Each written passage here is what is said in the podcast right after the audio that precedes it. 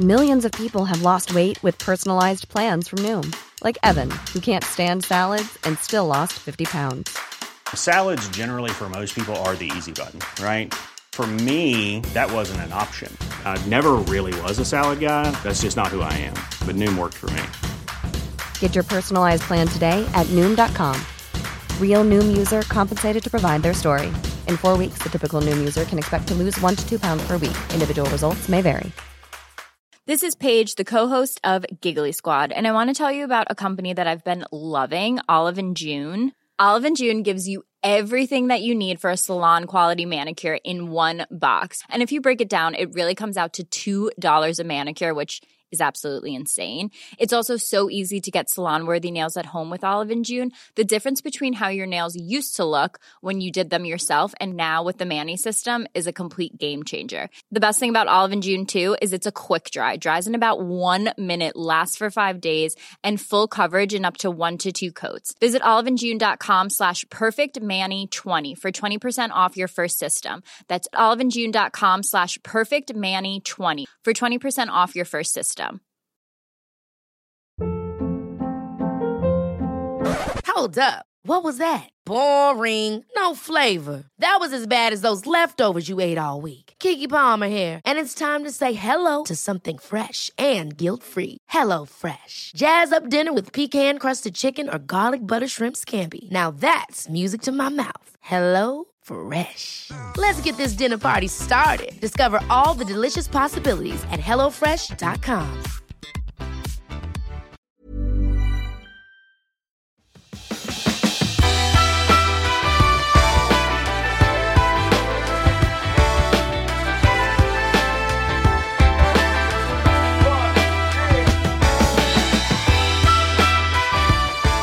Hej och välkommen till Klimakteriepodden med mig, Åsa Melin.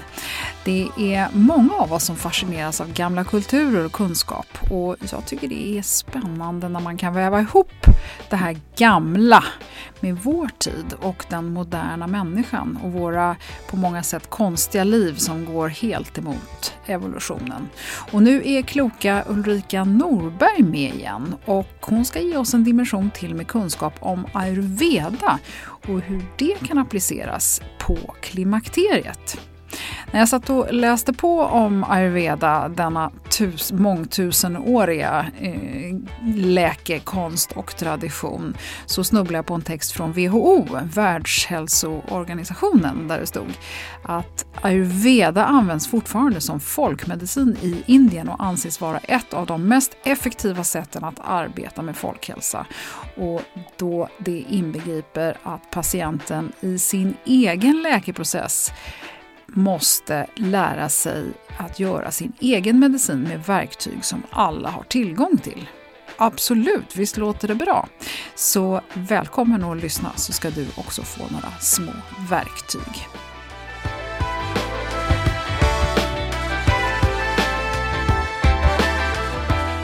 Ulrika Norberg, nu ska vi prata ayurveda. Jag hoppas att alla som lyssnar på det här har hört det här fina avsnittet när vi pratar om återhämtning. Kan du inte börja med att berätta för de som lyssnar vem du är, så eh, om man nu har missat det första avsnittet?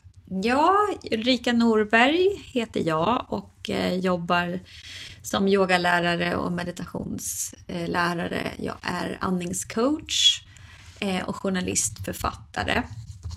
Och eh, mycket av min specialitet ligger i, i både den terapeutiska aspekten inom de här olika alternativa grenarna, men sen även i de mera kanske fysiska aspekterna som anatomi och fysiologi och den biten. Så att när man kommer på yoga till mig så brukar det vara liksom en blandning av, av rent konkreta aspekter när det gäller anatomin och fysiologin, men jag väver också in mycket ayurveda ibland och filosofi och den aspekten. Mm. Att, eh, och sen har du ju ett ganska brett eh, fält, alltså du är ju väldigt bred. Du har ju både den vetenskapliga, traditionella vetenskapen och det här österländska ja. eh, i det utbildningsmässigt så att ja. säga. Precis, jag tycker att jag, jag, ser så många parametrar som man går att väva samman och jag tycker de är lika viktiga båda två. Och för mig handlar det om att man försöker försöka undvika det här med massa floskler och att säga men det här ska man bara göra och då blir jag så här varför då och vad finns det för belägg för det under underlag samtidigt som att när jag stöter på saker och ting som ännu inte har någon evidens så är jag lite intresserad. Så, Jaha, men undrar vad det funkar och hur man gör det. Så att jag vill också utbilda mig inom saker och ting som, som har visat sig varit framgångsrika för tusentals människor över kanske tusentals år. Så att någonstans så kan man inte heller gömma sig i vad jag menar på eh, det akademiska. Därför att då får vi vänta länge. Utan någonstans så måste man kliva in i sin egen biologi och tänka så här, vad är sunt förnuft här? Eh, i, i mig själv. Vad mår jag bra av? Och testa den här aspekten. Ja, men den mår jag bra av. Titta på allt det här. Jag får bättre syreupptagningsförmåga och bla bla. Ja, det är inte evidensbaserat. Det kanske är liksom för många lite mumbo jumbo och hålla på med kristaller och färger och allting sånt där. Men, men för mig funkar det hur bra som helst.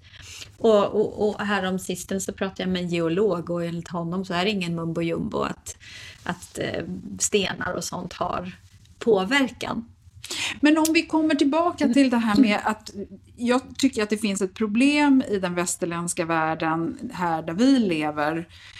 Att man har så svårt att ta till sig det här som då är västerländskt. Akupunktur har ju fått status inom eh, så att säga, den traditionella läkekonsten i Sverige. Mm. Och lite grann börjar man ju se att det här ändrar sig lite grann. Men man behöver ju inte åka längre än till Tyskland för att se att homeopatin till exempel är, tar en jättestor plats. Och vi tycker inte tyskarna är något mambo jumbo folk direkt utan vi känner oss nog ganska besläktade med dem. Mm.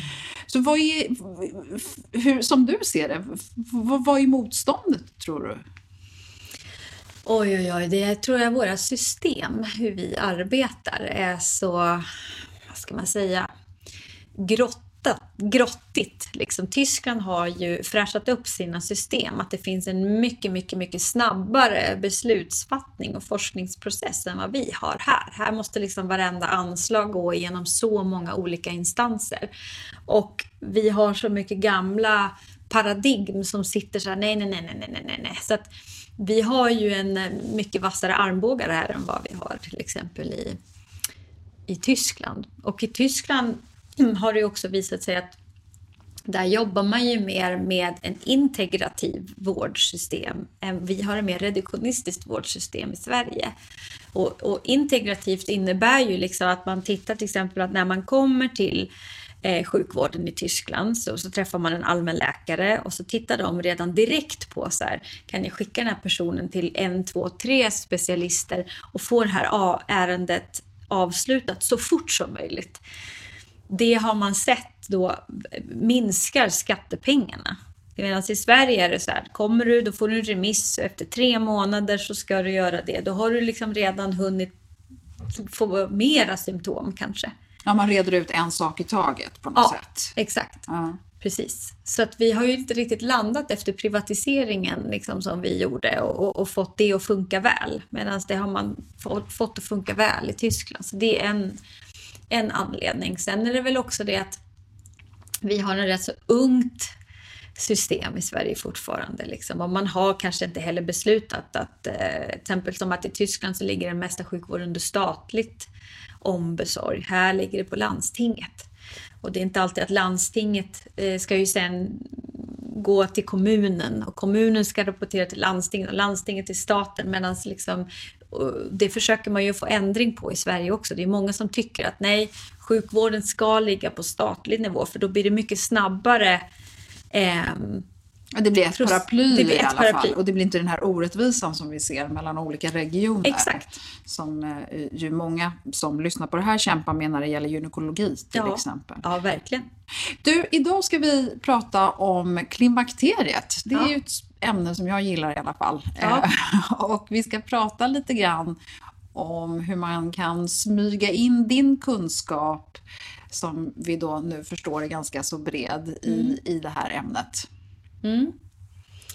Ja, det finns ju så mycket klokskap att hämta eh, som jag själv har blivit väldigt varse om och har gjort stor skillnad för mig. Alltifrån när det gäller menstruationsproblematik, när jag hade det. När jag, eh, så till exempel så bara av att se den menstruella cykeln uppdelad som i tre olika faser. Det följer även sen hur klimakteriet kan plockas upp, att det också följer tre olika faser. Och nu pratar vi enligt ayurveda då, som är det indiska medicinska systemet. Så tittar man först på ayurveda så betyder ju det eh, biologi. Så ayur betyder liv, veda betyder kunskap. Biologi är ju grekiska där bio betyder liv och logi betyder vetskap. Så man kan säga att ayurveda är Indiens svar på biologi. Så att det är biologi. Här plockar man ju in också att titta på att varje människa är unik och när vi får en obalans så är det eh, anledningen till att våra system har hamnat i svajning i sin kommunikation med varandra. Så en människa har 11 system, till exempel reproduktionssystem, cirkulationssystem, andnings, alltså respirationssystem, nervsystem, skelettsystem, muskelsystem och så vidare. Och så vidare. Och mätningen på hälsa har att göra med hur pass väl de här systemen eh, pratar med varandra eller samspelar. Och då kan man titta på till exempel när man är i en obalans då. Eh, om man har menstruellt eh, besvär, bara för att dra tillbaka till när jag hade det själv så, så gick jag till mina ayurvediska läkare och så, så hon upplyste mig om så här, ja, ja, men nu är du ju i den pitta-fasen här. Eh, och då är man ju oftast till exempel när man har PMS då är man ju oftast lite stingslig. Det har man ju kanske känt av. Ja. Man kan bli lite irriterad, man blir lite arg. Och det är mycket fire, alltså mycket eld. Och, och då menar man på den, när man är i PMS, eh, stadiet, då är ju liksom att kroppen tar mycket mer energi och det är därför man hamnar i den här elden. Och då när det gäller hur man tränar och hur man äter så ska man ju inte äta mat som får elden att blossa eller träna på ett sätt som får elden att blossa. Utan snarare mjuk. Så att man pratar till exempel att det är perfekt att göra kallbad. Om man nu ska titta på vad som är trendigt just nu. Så kallbad för det är cooling. Allting som är liksom cooling. Eh, glesa upp din, ditt, ditt, ditt arbete om du kan. Ta mer pauser, jobba mer med återhämtning. Mer utrymme, mer space. För ju mer space elden får desto mer uh, får du. Till exempel som i Indien var det så roligt för att där är det så att när kvinn, många kvinnor har PMS, då gör mannen allting. Mm. Mm. Och så wow. sätter man kvinnan på en tron och bara så här, vi gör allt för dig just nu. Så att, Ja. Det är lite annorlunda. För jag tänker ju direkt nu på liksom kopplingen. Nu pratar du PMS och du pratar medan kvinnan fortfarande menstruerar. Men det här känns ju precis som för klimakteriet. Ja, exakt liksom, så är det. Det är ju liksom, här är, är man ju de där åren. Svettningar och så vidare. Så att egentligen precis på samma sätt som man gör rekommendationer för det här PMS när man har mens så är det samma sak med för klimakteriet i klimakteriet. Att man rekommenderar egentligen samma saker. För det påverkar våra slemhinnor på samma sätt. Så att, det, så att när man är liksom, oh, gud jag har de här svettningarna och för jag är, jag är själv för klimakteriet liksom nu och har varit en tid. Så att jag märker en rätt så stor skillnad av att bara prioriterar mer återhämtning, mer vila, jag sover lite mer, jag eh, minskar all form av liksom, geggig mat som möjligt utan försöker att äta lite mer vällagad mat, grytor, varm mat, klok mat, näringstät mat. Men ibland även njuta mera. Vad är geggig mat? Alltså mycket mycket, ja, mycket animaliska produkter. För mycket ost eller för mycket mjölkprodukter. Okay. Då säger inte jag att man ska ta bort allting utan bara minska kanske det. Mm. Och istället äta mera grönt och bättre protein och sådana saker. Och lite mindre kolhydrater. Så mår man mycket, mycket bättre av det.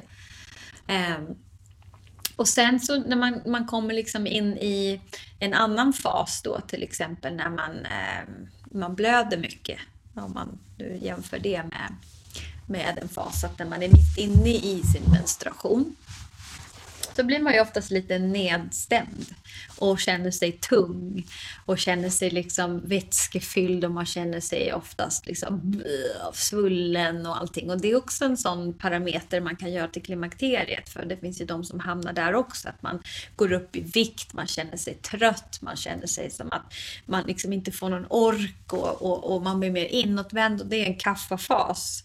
Och då behöver man liksom oftast jobba mycket mer med ta det mer lugnt. Liksom. Fast det är, ju, det är ju det enda kroppen vill. Och Ja, så ta, känns, det, ta det lugnt 50% och sen styrketräna lite mera. Alltså jobba mycket, mycket mera med, med repetitiva saker och, och, och mjuka vikter och sådana saker. Så, att, så att det går lite stick i stäv kanske vad många tänker så här, ja men vänta nu jag ska väl inte styrketräna när jag menstruerar. Nej men styrketräning i annat sätt, till exempel ut och gå.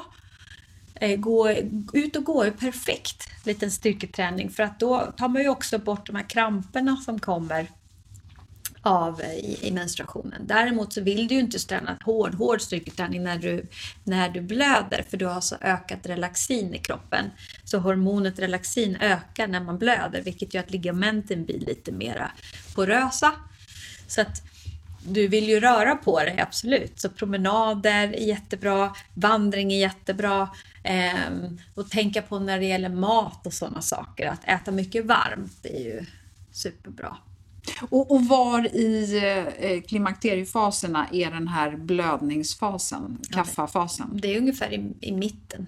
Runt själva menopaus då Ja, kan man exakt. säga. Innan man vet var man står riktigt. Ja. Exakt, och det brukar ju oftast att vissa, man kommer ju till en, en, ett parti både i sin menstruation och även i klimakteriet när saker och ting bara vacklar. Man, en dag är man jättepigg, en dag är man helt supertrött. Och det är liksom, man litar inte på sig själv och sina system, man känner inte igen sig själv. Eh, och det där kan ju bli jättepåfrestande för psyket. Och då är det oftast viktigt att att försöka liksom komma i en mjuk rörelse, att hela tiden liksom prioritera. Så när du säger repetitat, repetitat, rep, Repetitiv. repetitiv träning Ja. så är det inte så här, för jag såg framför mig hur man satt och lyfte hantlar eller man gjorde något sånt där, utan det är snarare det du menar med gå. Att man liksom bara gör samma Exakt. sak som man inte knappt behöver tänka på, Ja. som inte är så tungt och slitsamt. Ja. Ja. Så vandring till exempel har man ju forskat på. Jättebra för kvinnor som är där. Superbra. Mm. Ehm, stavgång, långfärds... Cykling ja, tänker jag, cykla. simning kanske. Ja. Ja. ja, just det, precis. Ja. ja, simning är ju bra när du är i klimakteriet, men kanske inte när du blöder så Nej, mycket. precis. Men du, okej, och sen så finns det då en vata-person Ja, i ayurvedan också. Exakt, så finns det en vata-fas och där är man ju oftast då efter du har gått igenom PMS, du har blödit och sen så har man ju då den här fasen när du på något sätt får rätt så mycket energi. Du blir lite pigg och nästa fas är ju på något sätt där du börjar få lite ägglossningen börjar och man börjar bli lite intresserad av sitt motsatta kön kan det ju bli att man har rätt så mycket mer energi. Och då brukar man oftast rekommendera i ayurvedan att det är då du ska skapa mycket. Måla, rita, göra grejer, du har mer energi till exempel. För att gör man inte det så blir man oftast att man stressar för mycket och man går på och man använder den här kraften mer till saker och ting som man kanske inte annars skulle göra. Så, och sen äta när det gäller mat till exempel i vatten, att man då liksom ser till att man äter regelbundet och, och näringstätt så att man hela tiden bistår det här flödet och mycket space och mycket utrymme rätt så mycket. Så att i klimakteriet är det här i utfasningen, alltså när man, när man kanske börjar liksom möta en ny tid efter klimakteriet. Och då kanske liksom möter också en ny tid. För att det var som min, min ehm, eh, gynekolog berättar för mig att hon menar på att i slutet på klimakteriet så har man ju mer testosteron som kvinna. Så att du blir mer lik mannen i mindre östrogen och mer testosteron. Och det innebär också att du är lite förändrad. Du har en liten förändrad energibank helt plötsligt. Så att det, det också, ska du också veta att i vatan så, så urholkar ju det också rätt så mycket. Eh, du har inte samma prestanda i skelettsystemet så att det är rätt så bra liksom att, att där kan man ju styrketräna. Det är jätte, jättebra för, för, för just eh, vårt skelett och börja belastningsträna och på olika sätt. Om man nu ska titta på träning. Och, eh, och sen så brukar det oftast vara så att när man är klar med klimakteriet så har man heller inte samma förbränning. Så att förbränningen, det här med hur man, hur man äter, är ju också klokt i relation till hur mycket man rör på sig. Så det blir liksom ett, ett man får lära känna sig själv på nytt. Eh, och njuta lite mer, precis som man biologiskt känner direkt efter man har varit klar med sin menstruation så är man liksom lite mer sugen på saker och ting. Om du. Mm. Och samma sak här, att det, när man är av med sin, eller när man är igenom sin klimakterie så kan man ju även där börja drömma om saker och ting och göra nya saker. Och...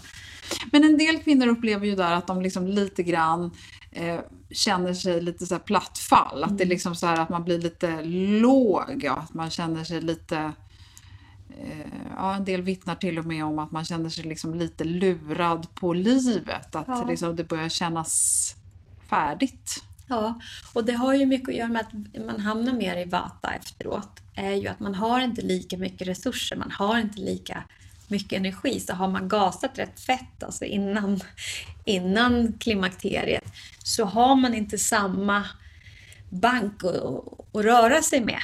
Men det behöver inte betyda liksom att man inte kan omvandla det och hitta liksom ett, ett nytt tårtsystem, liksom en fördelning av det man gör. Det är bara kanske att man inte har exakt samma resurser längre. Mm. Så det blir ännu viktigare egentligen att lyssna ja. på sig själv. Ja, och eh. återhämtningen.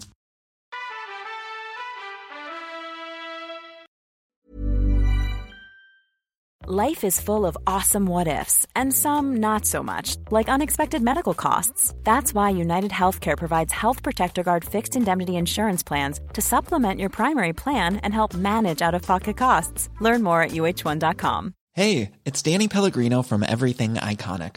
Ready to upgrade your style game without blowing your budget? Check out Quince. They've got all the good stuff shirts and polos, activewear, and fine leather goods all at 50 to 80% less than other high-end brands. And the best part? They're all about safe, ethical, and responsible manufacturing. Get that luxury vibe without the luxury price tag. Hit up quince.com slash upgrade for free shipping and 365-day returns on your next order. That's quince.com slash upgrade. Quality sleep is essential. That's why the Sleep Number smart bed is designed for your ever-evolving sleep needs. Need a bed that's firmer or softer on either side? Helps you sleep at a comfortable temperature? Sleep Number smart beds let you individualize your comfort so you sleep better together. JD Power ranks Sleep Number number 1 in customer satisfaction with mattresses purchased in-store. And now, save 50% on the Sleep Number limited edition smart bed for a limited time. For JD Power 2023 award information, visit jdpower.com/awards. Only at a Sleep Number store or sleepnumber.com. Det är härligt att klimakteriets tabu äntligen är på väg bort. Vill man försöka klara sig utan hormonbehandling så finns nu många nya kosttillskott som lovar bland annat hormonell balans och som ska stötta brister. Jag vill lyfta min räddare i nöden, femarell. Det har inte bara varit min utan många andra kvinnors räddning i över 20 år. Och med lång tid på marknaden, med nöjda användare, dessutom med 20 forskningsstudier så vågar jag säga att det kan vara en god idé att prova femarell. Femarel finns på apoteken och i hälsokostbutiker. Tack Femarel som varit min samarbetspartner i många år.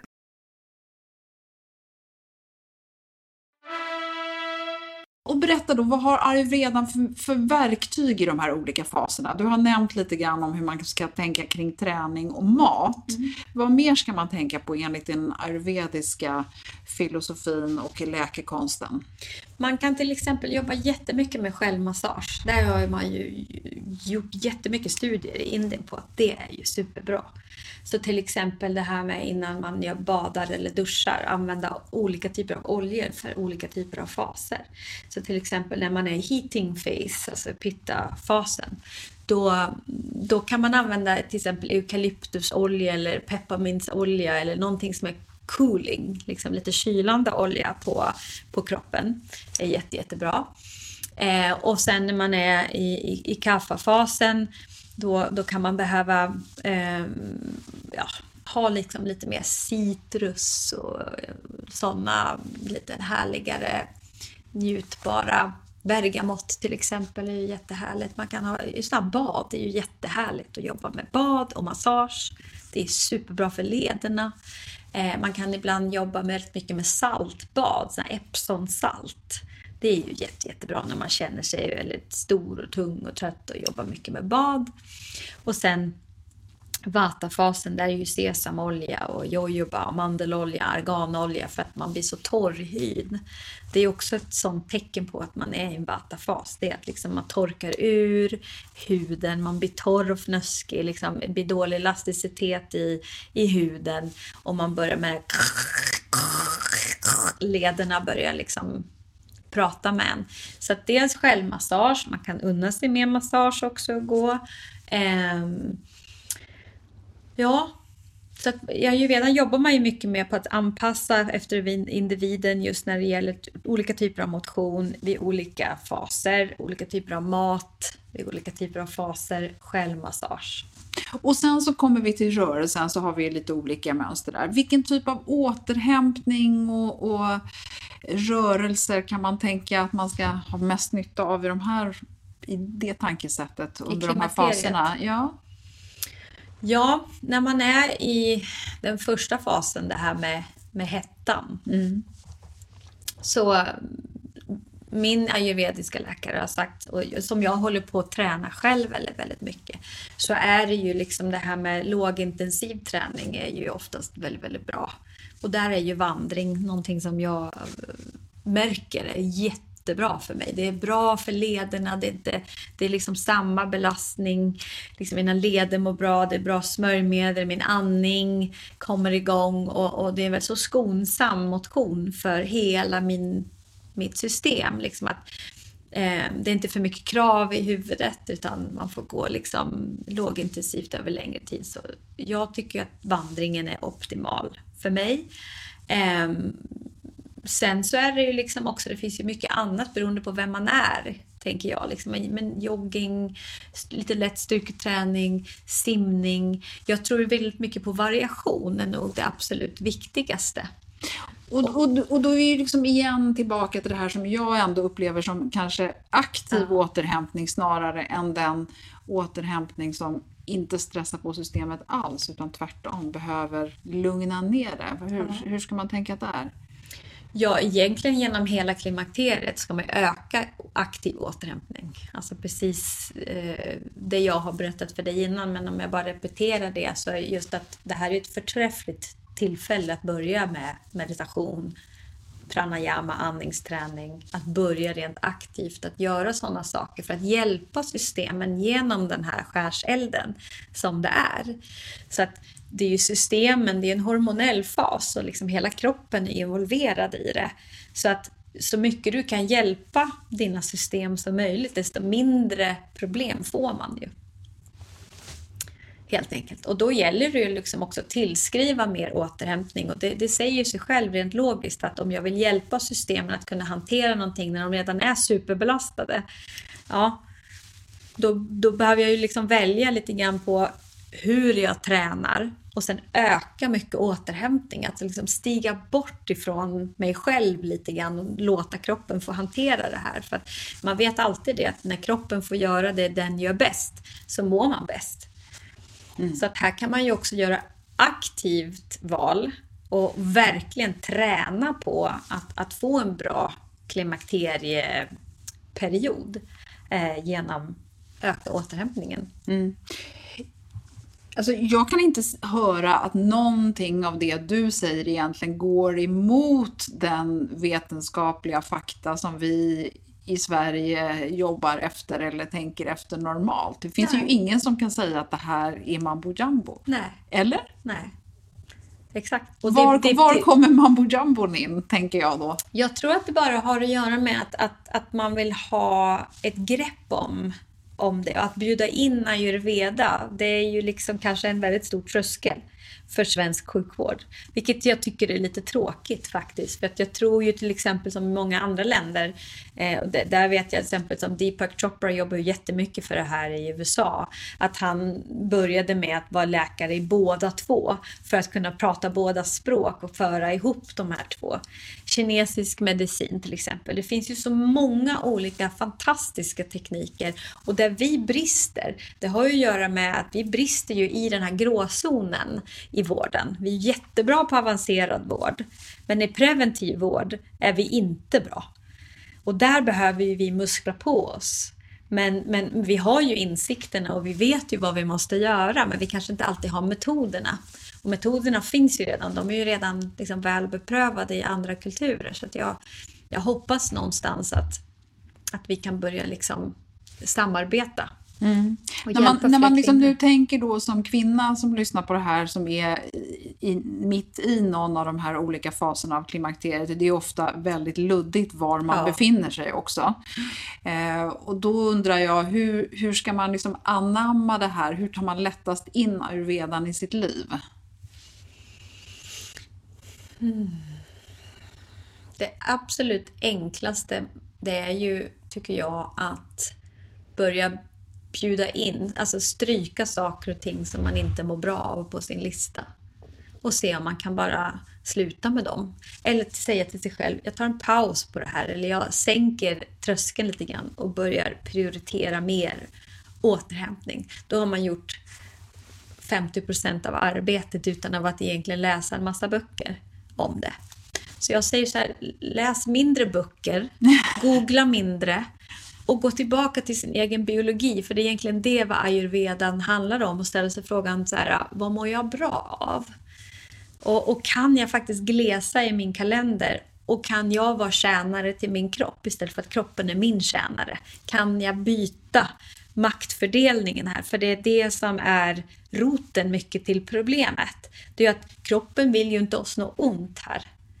Och, och det är det här som jag upplever många gånger är ett problem i, när jag lyssnar runt kring fighten på något sätt, att ta fighten med det här med klimakteriet. Att, men jag måste få rätt rätta tipsen de rätta recepten, jag måste få bästa träningen, jag måste liksom få göra alla de här sakerna för att jag måste bara härda ut den här jävla skiten så att jag kan fortsätta leva mitt liv. Istället för att välsigna, det här är ju det perfektaste i ens liv. Liksom. Det är juvelen i kronan. Det är liksom nu vi får möta en rikedom. Och hur kan jag ställa om det här för att möta och vara mer en resurs för min kropp? Lära känna min kropp, det är ett perfekt tillfälle att lära känna sig själv, att börja investera i sin nästa fas. Och liksom många kvinnor som, som ställer om, de blir ju mer glowy efteråt och under istället för att gå runt och må dåligt. Så att jag, jag förstår inte riktigt det här med att man liksom så oh, ursäkta mitt språk nu, men fuck, jag hamnar i det här nu. Nu kommer jag liksom inte få ligga någon mer, jag kommer inte få någon bebis, jag kommer bli ful, jag kommer bli glåmig, jag kommer bli rynkig, jag kommer bli överviktig. Och det är det enda jag hör. Liksom så här, vilken kräm ska jag ha och hur ska jag träna, hur ska jag äta, hur ska jag göra allt det här? Medan jag menar på att ska man ta någonting från ayurvedan så är det så att rejoice it. It's a graceful period. Det är fantastiskt det här. Det är ju bara att få fira kvinnligheten snarare, liksom olika faser. Att, för det första så personligen så jag tycker inte att det är tråkigt att, att, att, bli kvitt mensen. Jag tyckte inte att det var speciellt roligt faktiskt att ha mens. Så att jag tänker så här, jeho! Liksom, jag slipper blöda. Men, men det blir ju också att jag måste bli mer ödmjuk inför mig själv också. Vad, vad, hur, hur, kan jag liksom optimalisera mitt kvinnoskap här? Hur kan jag hålla fräschören i mina slemhinnor? Allting säger det att minska på stress. Vad man än kan göra så boostas kroppen av sig självt. Så att, och där är vi alla olika vad som liksom hjälper oss till det. Men är det så att vi har hamnat i någonting, dels så är vi ju lite, vi gillar ju saker som går snabbt att ordna. Vi vill ju inte ha sånt som är obehagligt omkring oss. Men jag tänker också, är det, är det för att ordet klimakteriet och hela det här att det har blivit stigmatiserat i, i någon slags lika med något grått och glåmigt och hemskt? Jag tror också det är en enorm ungdomsfixering som vi ser. En extrem sådan. Mm. Men jag tror ju det här är bara början. Alltså om man tittar på, vi, vi kliver ju in liksom i, i, en fjärde åldersperiod just nu. Vi har aldrig varit så här gamla. Vi har aldrig blivit så här gamla. Så att det här är nytt för oss, det är otrampat vatten. Eh, och sen är det också det att, att, att vi kliver in i en tid där kvinnorna kommer mer in i maktpositioner och vi får en större röst och, och, och våra olika processer, våra olika hormonella faser får också mera Eh, gehör i böcker i poddar och vi pratar mer om de här sakerna. Och då tror jag det är viktigt att lägga liksom eh, lägga någonting i skålen här att, att, att vi kanske ska vända på hela alltihopa istället för att se det som ett problem. Kanske vi ska se det som en resurs i, i våra liv. Liksom att, vad, vad skulle hända då om vi istället tittar på att det här handlar om friskvård? Eh, hur, hur, kan vi jobba med den utifrån ett friskt perspektiv? Hur kan jag göra mitt klimakterie friskare? Jo, genom att kanske bara vända på perspektivet istället för att min kropp ska vara min kärna. Hur kan jag tjäna min kropp? Hur kan jag liksom på något sätt kliva in mitt, i center i mitt liv och hjälpa mina system att ta sig igenom det här? Ett sätt är ju liksom att okej, okay, nu har jag en dag när det är väldigt mycket svettningar. Eller jag är i en fas där jag har väldigt mycket svettningar. Vad kan jag ta bort? Behöver jag göra alla de här grejerna just nu? Liksom. Och jag tror att det är egentligen det svåraste för oss som kvinnor. Därför att jag tror att vi har hamnat i, i den här kvinnofällan att vi måste vara allt och vi måste göra allt och vi ska finnas med i allt. Och vi, vi har, många av oss har enorma kontrollbehov. Liksom att vi försöker kontrollera hela universum liksom för att vi har hela tiden kanske blivit tillsagda på att vi har ingen kontroll, men det har vi väl. Vi har hur mycket kontroll som helst mm. egentligen. Så att jag tror att det handlar snarare om en positionering också i sig själv. Så nu blev det här lite större liksom och filosofiskt men, men jag tror att det handlar om, om det också i väldigt, väldigt stor måtta. Mm. Och sen också det här med att vi många gånger glömmer bort att, att njuta, då menar inte jag bara sexuellt, men att liksom få, få, få njuta av våra kroppar själva istället för att vi ska vara till beskådan av andras njutning. Jag tror det är jätteviktigt.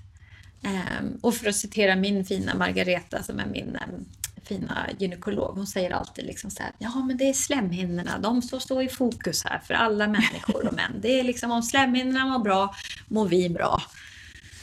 Så jag tror att det är ehm, jag tror att vi, vi, vi, är inne i ett skifte och jag tror att det behövs många röster och det behövs liksom många, många vittnesmål liksom om, om vad som fungerar så kanske man kan liksom plocka lite eh, själv vad som funkar för en. Men jag tror liksom nummer ett är att se det snarare som vad händer om man ser det som en resurs? Utmana sig själv lite grann och säga så här, kan det här vara en resurs? Och sen så tror jag också att det är viktigt att man också tänker på att om det nu är så att vi ska bli hundra, vilket vi tar för givet många av oss, så har vi ju halva kvar. Ja.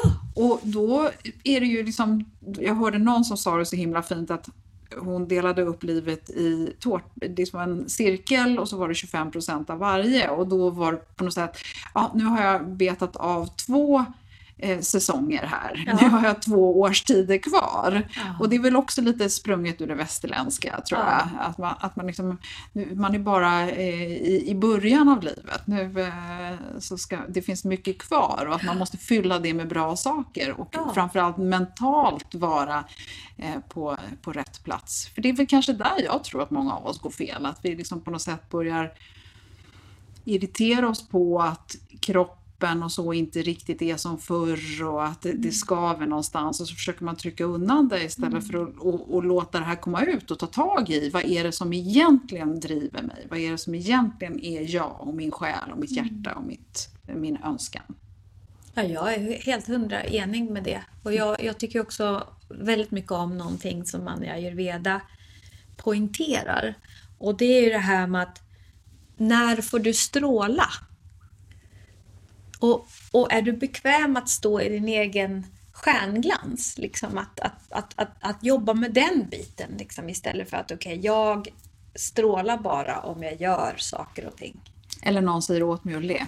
Ja, exakt. ja. Precis. Ut, utan hur jobbar jag med min egen inre glow? Liksom? Och då finns det ju flera olika aspekter. Men men också det här med att eh, vad jag tycker, varför jag tycker ayurveda är, är intressant. Inte, jag tror inte att liksom ayurveda kan hjälpa oss i väst liksom 100% men vi kan lära oss att liksom återta någonting som vi har outsourcat och det är nämligen att vår biologi får komma först, inte vår teknologi. Liksom det har blivit lite grann så att vi ser oss själva som liksom små eh, roll, rollpjäser. Ja, men precis. Marionetter som inte har kontroll över vårt eget liv. Ja. Att vi styrs av någonting som vi inte kan kontrollera. Ja, vi har glömt bort vår egen biologi. Mm. Och, och bortprioriterat det. Och, och, och, och det här blir ju liksom mer och mer för att vi börjar ju, det här är ju en etisk fråga också. Därför att idag börjar vi liksom byta organ och vi kan förändra saker och ting och vi förändrar hela våran med hjälp av teknologi. utan så måste man ju ställa sig frågan hur gamla ska vi bli? Och ska man verkligen bli 150-200 år? För att jag lyssnade på ett fantastiskt intressant TED-talk för inte så länge sedan av en av de världsledande forskarna kring det här med ålder. Eh, därför att han menar på det att så här, okej, okay, om vi nu ponerar att inom 5-10 års tid du kan jobba med DNA-forskningen och du kan ändra din hela genetik genom injektioner och små mikrochip och du kan byta ut alla organ. Och då börjar vi liksom se Jaha, vi kanske börjar pusha 150. Hur ska våra samhällen se ut då? Vem, vem ska försörja oss? Därför att vi är så vansinnigt rädda för döden. Vi är så vansinnigt rädda för att bli gamla. Medan vi vill fortfarande ha den här visheten av ålderdomen. Men vi lever i någon sorts ungdomsfixering. Så att vi, vi, vi har ju hamnat lite lost mm. i det hela. Så ja. jag tror väldigt mycket på det här med att bara bjuda in vår egen biologi. Ja, och ta tillbaka sig själv kanske. Ja. Eller hitta sig själv i den här röran. Ja. ja. Vad bra Ulrika! Ja. Ska vi lägga till någonting ja. till det här ytterligare ett spännande avsnitt med dig som eh, inte riktigt... Det är kul med någon som inte går att styra utan det blir vad det blir. Jag skulle bara vilja säga heja oss. Ja. Jag tycker vi är på rätt väg. Ja, ja. Bra, härligt. Då säger vi så. Mm. Tusen tack för att du kom tillbaka till Klimakteriepodden. Tack så mycket. Jag blir alldeles rörd. ja.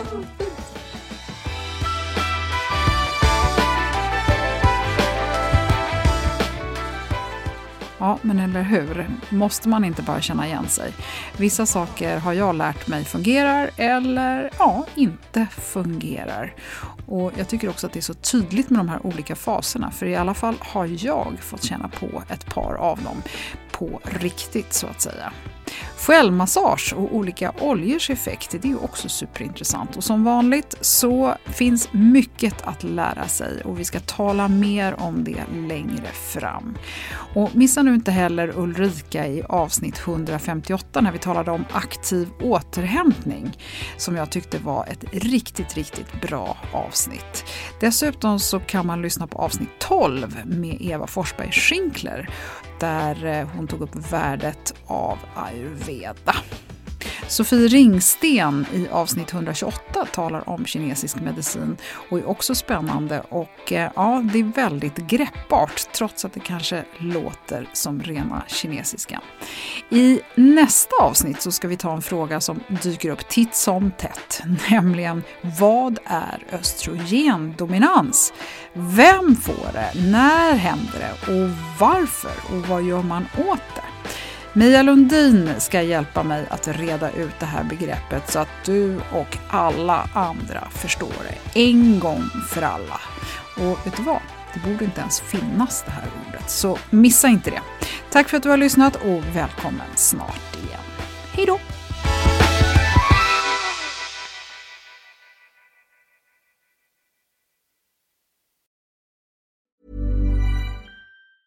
Hi, I'm Daniel, founder of Pretty Litter. Did you know cats tend to hide symptoms of sickness and pain? I learned this the hard way after losing my cat, Gingy. So I created Pretty Litter, a health monitoring litter that helps detect early signs of illness by changing colors, saving you money and potentially your cat's life. Pretty Litter is veterinarian developed, and it's the easiest way to keep tabs on your fur baby's health right at home. Go to prettylitter.com and use code ACAST for 20% off your first order and a free cat toy. Terms and conditions apply. See site for details. Ever catch yourself eating the same flavorless dinner three days in a row?